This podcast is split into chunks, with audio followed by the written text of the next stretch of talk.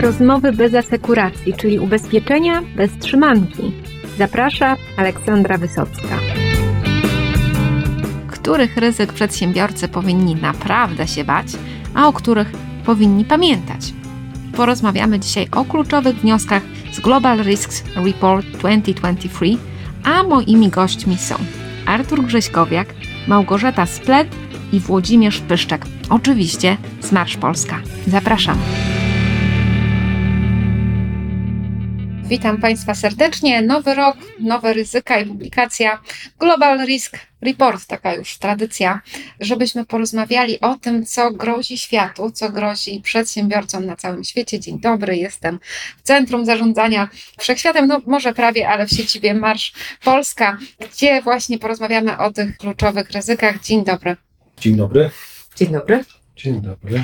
No to może przejdźmy od razu do wysokiego C, czyli jakie ryzyka czekają na przedsiębiorców. Jest ich bardzo wiele, więc prosiłabym o te takie top, które są tam, nie wiem, czy bardziej w tym roku na czerwono, na zielono, na żółto, bo te raporty, jak Państwo już je znacie i przeglądacie, to wiecie, że są różne kategorie tych ryzyk i to się tak naprawdę dość ciekawie zmienia na przestrzeni ostatniego dziesięciolecia. To jak jest, Panie Prezesie, w tym roku? Czerwono, zielono, żółto? Przede wszystkim bardzo się cieszymy, że możemy się spotkać e, twarzą w twarz po dwóch latach, żeby omówić tutaj wnioski z naszego Global Risk Reportu. No i jak zawsze ten obraz jest kolorowy, nie jest on czarno-biały. To chciałbym podkreślić. Takie trzy grupy ryzyk wyłaniają się na czoło. Po pierwsze to są ryzyka geopolityczne, po drugie ryzyka społeczne i po trzecie ryzyka ekonomiczne. I wśród tych trzech kategorii ryzyk mamy całe spektrum zagadnień, na które warto zwrócić uwagę. Jeżeli chodzi o ryzyka geopolityczne, to tutaj najbardziej charakterystyczne są zagrożenia związane z upadkami systemów państwowych, konflikty międzypaństwowe i konfrontacje geoekonomiczne. Jeżeli chodzi o ryzyka społeczne, one związane są głównie z niepokojami społecznymi, zakłóceniami dostępu zasobów, ale także z kosztami utrzymania, które powodują rozwarstwienie społeczne, pogłębiają to rozwarstwienie społeczne. No i wśród ryzyk ekonomicznych, chyba najczęściej opisywanych w mediach w ostatnim czasie, tutaj mamy takie dwa zagadnienia, to są zakłócenia łańcuchów dostaw i kryzys zadłużenia. No to możemy się poczuć tak w centrum wydarzeń, bo myślę, że żadne z tych ryzyk nie było zaskakujące i obce naszym słuchaczom. Ja się ucieszyłam, że nie ma pandemii, tak w pierwszej. Może miejmy nadzieję, że to oznacza, że chwilowo chociaż to biznesu nie spotka, zobaczymy. No ale właśnie skupmy się dzisiaj na tych kwestiach, które mogą być dla przedsiębiorców szczególnie istotne, no i sprawiają, że oni troszkę gorzej w nocy śpią. To co byście wskazali jako takie właśnie biznesowo zagrażające?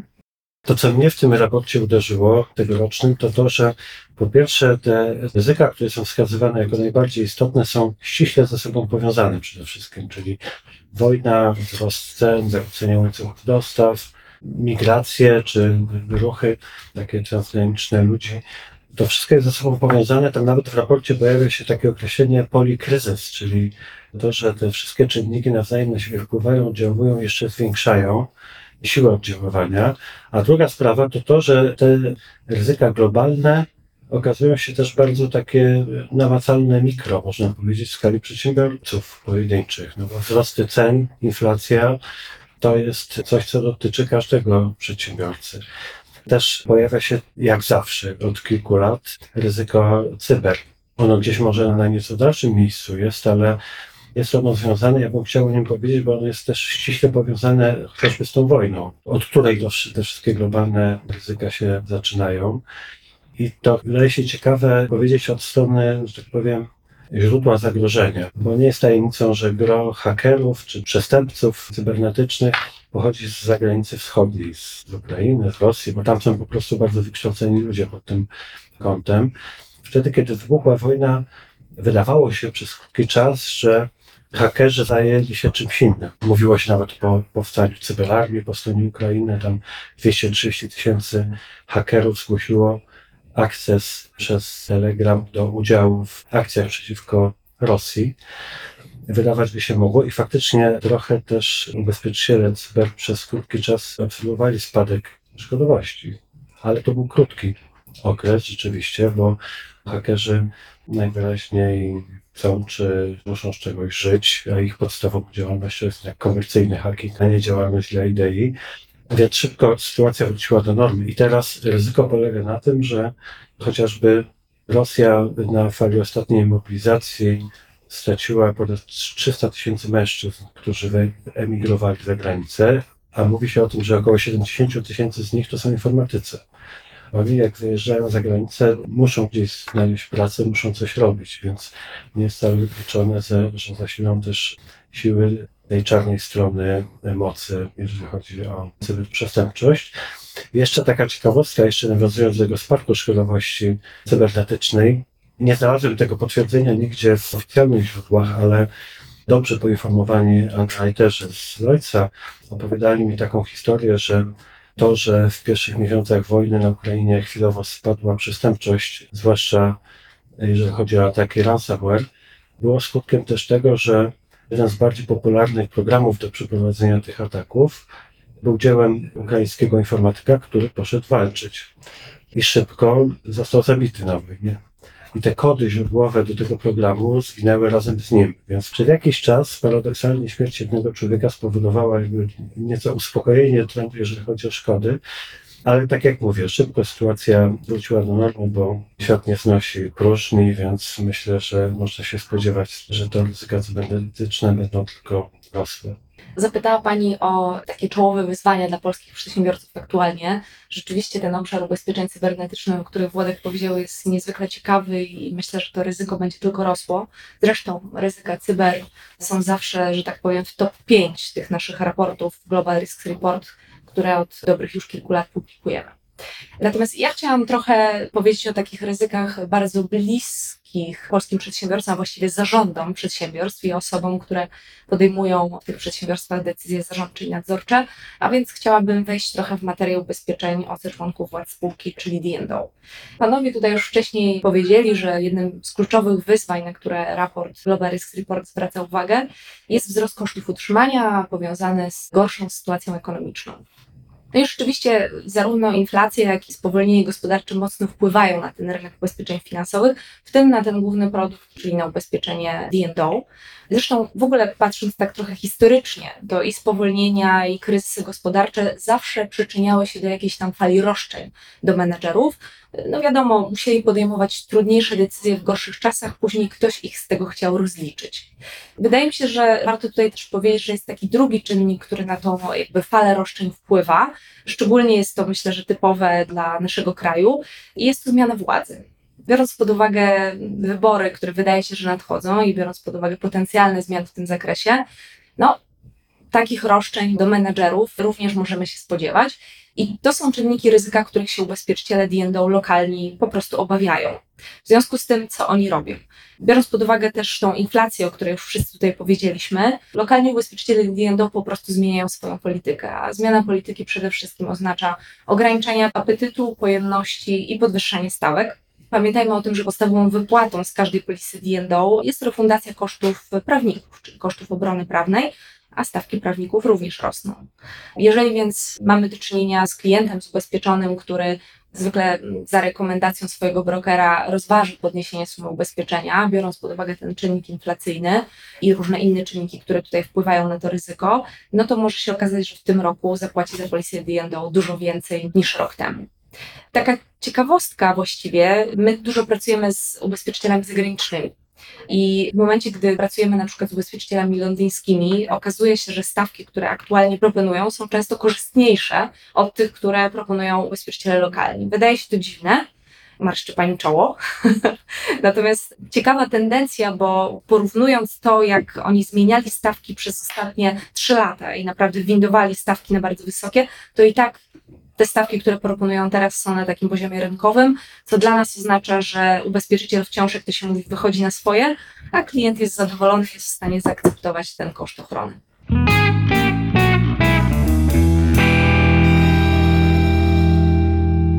Jak ja marszczę czoło, bo Państwo tego nie widzą, to aktualizuję bazę danych białkową, bo to rzeczywiście była dla mnie ciekawa informacja. Mam nadzieję, że dla Państwa również. I widzicie, jak potrzebny jest broker. Tutaj mówię do klientów, którzy może też przypadkiem albo nie przypadkiem będą tego słuchać, bo może warto się ubezpieczyć teraz na rynku właśnie londyńskim albo innym, który Wam doradca wskaże jako najlepszy dla Was. Więc takie, nie wiem co, product placement, cokolwiek.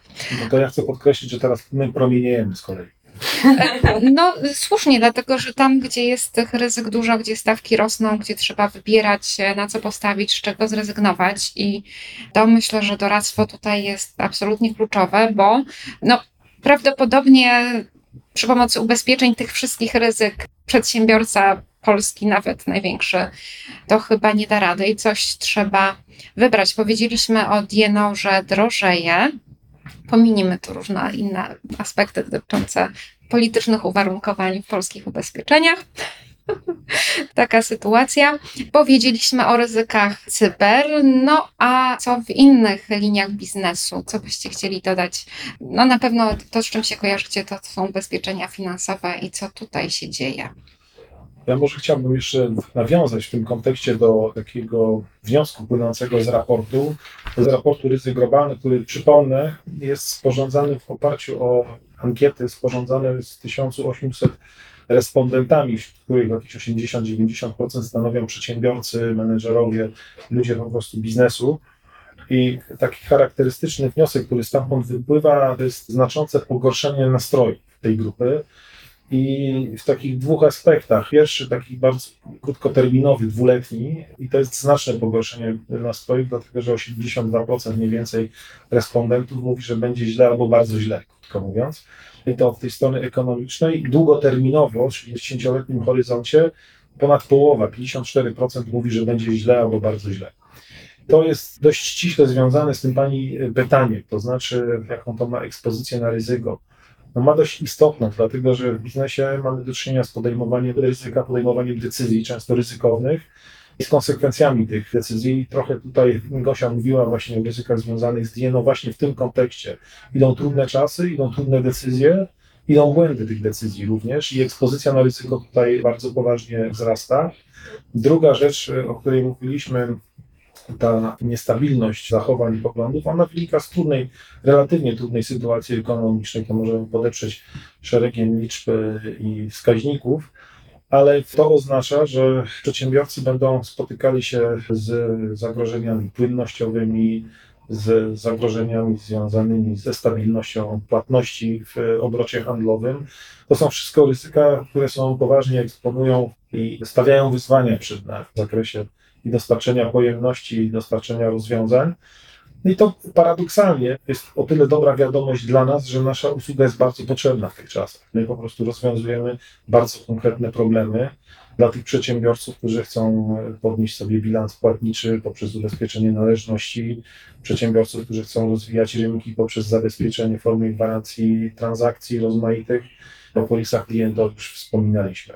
Oczywiście najbliższy rok, najbliższe miesiące pokażą, jaki będzie przebieg tych ubezpieczeń, jakie będą jakby konsekwencje tej całej sytuacji, bo też chcę tutaj nawiązać, trochę podać optymizmem. Kiedy zaczynaliśmy 20 rok, rok 2020, zaczynała się pandemia. Pamiętam takie spotkanie podobnym charakterze. Wówczas jeszcze nie wiedzieliśmy, że będzie lockdown, że ten lockdown będzie trwał wiele miesięcy. Różne scenariusze się wtedy pojawiały. Oczywiście był to bardzo dotkliwy okres, ale chcę jakby podkreślić, że dynamika produktu krajowego była ujemna nieznacznie, około 1%, około 1,5%. Oczywiście było to kosztem wielkiego wysiłku całych państw czy organizacji. Gdzieś tam te konsekwencje w postaci inflacji dzisiaj występują ale mówię o tym dlatego, że był to trudny okres, który jednak nie przetrwaliśmy tak źle chyba, jako, nie wiem, świat, gospodarka światowa i dzisiaj spijamy niektóre konsekwencje, powodują one kolejne wyzwania. To, co jest niepokojące, to to, że na przestrzeni kilkudziesięciu albo nawet stu lat, właściwie w każdej dekadzie mieliśmy do czynienia z jakimś poważnym kryzysem, szokiem cenowym, kryzysem energetycznym, wojną, takimi sytuacjami, które dość istotnie wpływały na gospodarkę. W tej dekadzie mieliśmy do czynienia z pandemią, za chwilę pojawiła się wojna i cały czas mówimy o tych ryzykach związanych z zakłóceniem łańcuchów dostaw, to powoduje właśnie tę niestabilność dzisiejszych czasów, że ten kryzys nie trwał chwilę, tylko on się w jakiś sposób propaguje na kolejne lata i no mamy cały czas szereg narzędzi, które nam pomagają to przetrwać nie? z naszego tutaj obszaru działalności ubezpieczeniowej, zarządzania ryzykiem. Właśnie wspominamy o tych rozwiązaniach, które pomagają podejmować skutecznie, zabezpieczać decyzje, zabezpieczać obroty, podnosić możliwości zwiększania tych obrotów i rozwijania rynku. Ja bym tutaj też do tego wiania optymizmem dołączyła, dlatego że tak mi się wydaje, może będziemy polemizować tutaj, ale że biznes potrzebuje trudnych decyzji. I czasem jest tak, że kiedy mamy to prosperity i tak nam pewne nieefektywności po prostu uchodzą płazem, a jak się robi trudno, to z rzeczy, które już dawno trzeba było rezygnować, to się rezygnuje. Niektórzy ubezpieczyciele się na przykład cyfryzują, wręcz wszyscy, i rzeczy, o które się walczyło latami i mówiło się, że się nie da, to nagle się okazuje, że w dwa miesiące się da, nawet z nadzorem. Więc myślę, że takich zmian będzie więcej i że ta efektywność może wzrosnąć, zwinność może wzrosnąć, pojawią się nowe rynki, na które się nie patrzyło, nowe linie. No, łańcuchy dostaw też powodują taką deglobalizację, czy to jest pozytywne, czy negatywne. Pewnie tu tak nie da się jednoznacznie stwierdzić, ale jakaś re, re, to jest takie trudne słowo, reindustrializacja. Produkcja wraca w rejony, gdzie jej nie było, więc pojawiają się jednak miejsca pracy. Moi drodzy, myślę, że jest na pewno ciekawie i że te złe nastroje to jest też kolejne wyzwanie, prawda? Bo tutaj się mówi, że depresja będzie tą chorobą cywilizacyjną, która nawet nowotwory przegoni i już widać, że złe nastroje to jest problem sam w sobie i ryzyko tak, będzie być może też ubezpieczenie od depresji zarządu, nie tylko od depresji. Koszty psychologa są pokrywane z polisy D&O, ale nikt z nich nie korzysta, to jest ciekawe. Jeszcze, tak, ale myślę, że też te benefity psychologiczne, psychiatryczne to jest na osobny podcast i wiem, że tutaj niektóre spółki z waszej grupy też by mogły się tak, tutaj tak. wykazać. I czy to jest takie bardzo wszystko deprymujące? No, ja jestem tutaj urodzoną optymistką. Wydaje mi się, że wszyscy wyjdziemy z tego wzmocnieni. Dobry broker będzie tym bardziej cenny. Przedsiębiorca, który, no, po to jest się przedsiębiorcą, żeby właśnie podejmować decyzje, żeby szukać możliwości, żeby wyciągać wnioski, dostosowywać się do potrzeb klientów świata, wyzwań, więc może nie będzie tak źle. Zapraszamy do lektury raportu.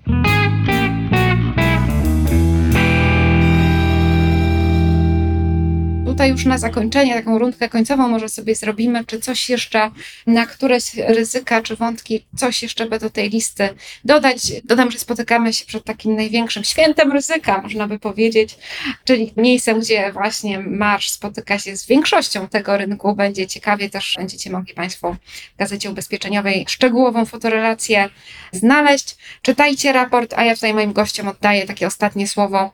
Tak, do rynku Zachęcam do optymizmu, ale zawsze oczywiście realnego i opartego na danych i faktach. Tak, no ja chciałem powiedzieć, że y, ten Global Risk Report nie jest po to, żeby straszyć ludzi ryzykami, tylko właśnie o tym mówić, budując pewną świadomość, po to, żeby przedsiębiorcy mieli czas się przygotować na tyle, na ile można się przygotować, oczywiście na, na pewnego rodzaju zagrożenia. I tak jak na przykład, no nie wspomnieliśmy, jest w raporcie mowa o tym, że nadchodzi epoka drogiego kapitału. To wymaga oczywiście dostosowań. To każdy przedsiębiorca, finansista pewnie ma swoją wiedzę i swoje narzędzia, jak to zrobić. Od strony ubezpieczeń na pewno to też technicznie jest do zrobienia, żeby zabezpieczyć naszych klientów przed ryzykiem właśnie inflacji szkodowej, czy takim zmniejszeniu realnej wartości są ubezpieczenia. Łańcuchy dostaw to oczywiście ryzyko utraty zysku, też można zrobić tak, że wystarczy mieć świadomość tego i można się zabezpieczyć przed tego rodzaju zagrożeniami.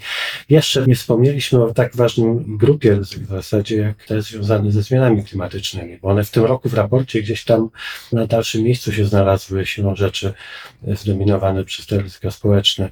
Ale to też są rzeczy, które dotykają ubezpieczeń, bo to są oczywiście zjawiska naturalne, katastrofy naturalne, które jakby zwiększają swoją siłę, moc.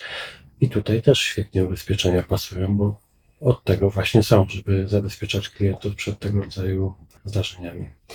to może ja dodam, że rzeczywiście ci nasi przedsiębiorcy, polscy przedsiębiorcy są coraz bardziej świadomi, jeżeli chodzi o dbałość o pracowników, ale też o środowisko. To, o czym też dzisiaj nie wspomnieliśmy, to może tak na koniec, to jest taki modny obszar, o którym teraz dużo osób nie tylko w ubezpieczeniach rozmawia, czyli obszar ESG, Environmental Social Governance, a więc y, tak w skrócie nazwijmy to y, ład korporacyjny, o które przedsiębiorstwa powinny dbać, a niedługo w Polsce będą, można powiedzieć, zmuszeni, żeby dbać, ponieważ będziemy mieli za chwilę do czynienia ze zmianami w prawie.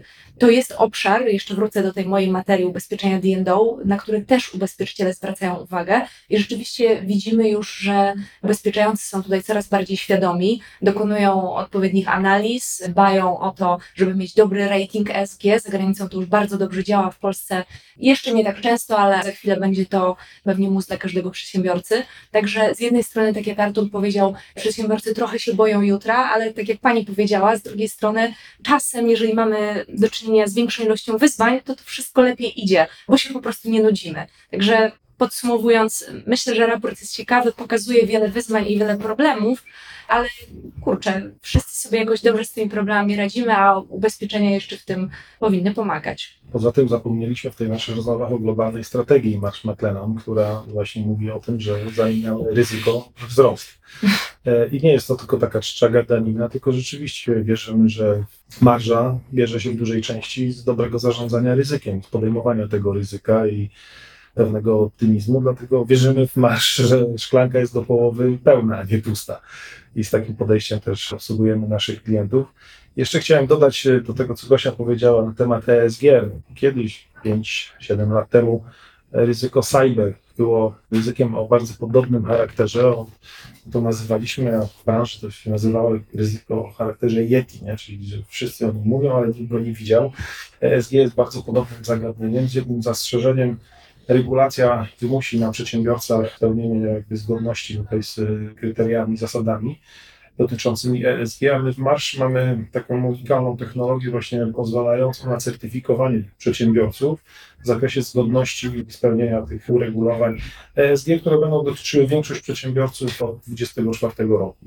Na pewno to się przełoży na ocenę również underwritingową ubezpieczycieli, to znaczy bardziej zgodny będzie otrzymywał ocenę lepszą, mniej zgodny gorszą. Także jest to na pewno nowy obszar ryzyka regulacji, który stoi przed nami otworem. Otworem. Pytanie, który to otwór? E, Proszę Państwa, tutaj nam się, mówiąc o SG, otworzyła kolejna tajemnicza furtka jeszcze transformacji energetycznej, która też jest częściowo wymuszona przez różne czynniki i też może zmienić i przemysł, produkcję, transport. Moglibyśmy tak bez końca, bo taka to jest branża bardzo ciekawa, ciągle podsuwająca nowe wyzwania, ale i nowe możliwości. Pamiętajcie, jak pada deszcz, zarabiają producenci parasoli, jak świeci słońce, producenci okularów przeciwsłonecznych, więc zachęcam do tego, żeby szukać możliwości, ale zawsze świadomie podchodzić do ryzyk, z którymi mamy do czynienia. Dziękuję bardzo. Dziękuję. Dziękuję. Bardzo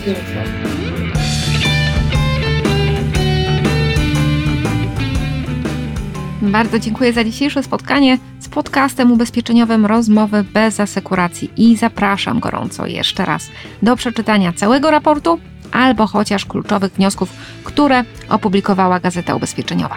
Dzięki.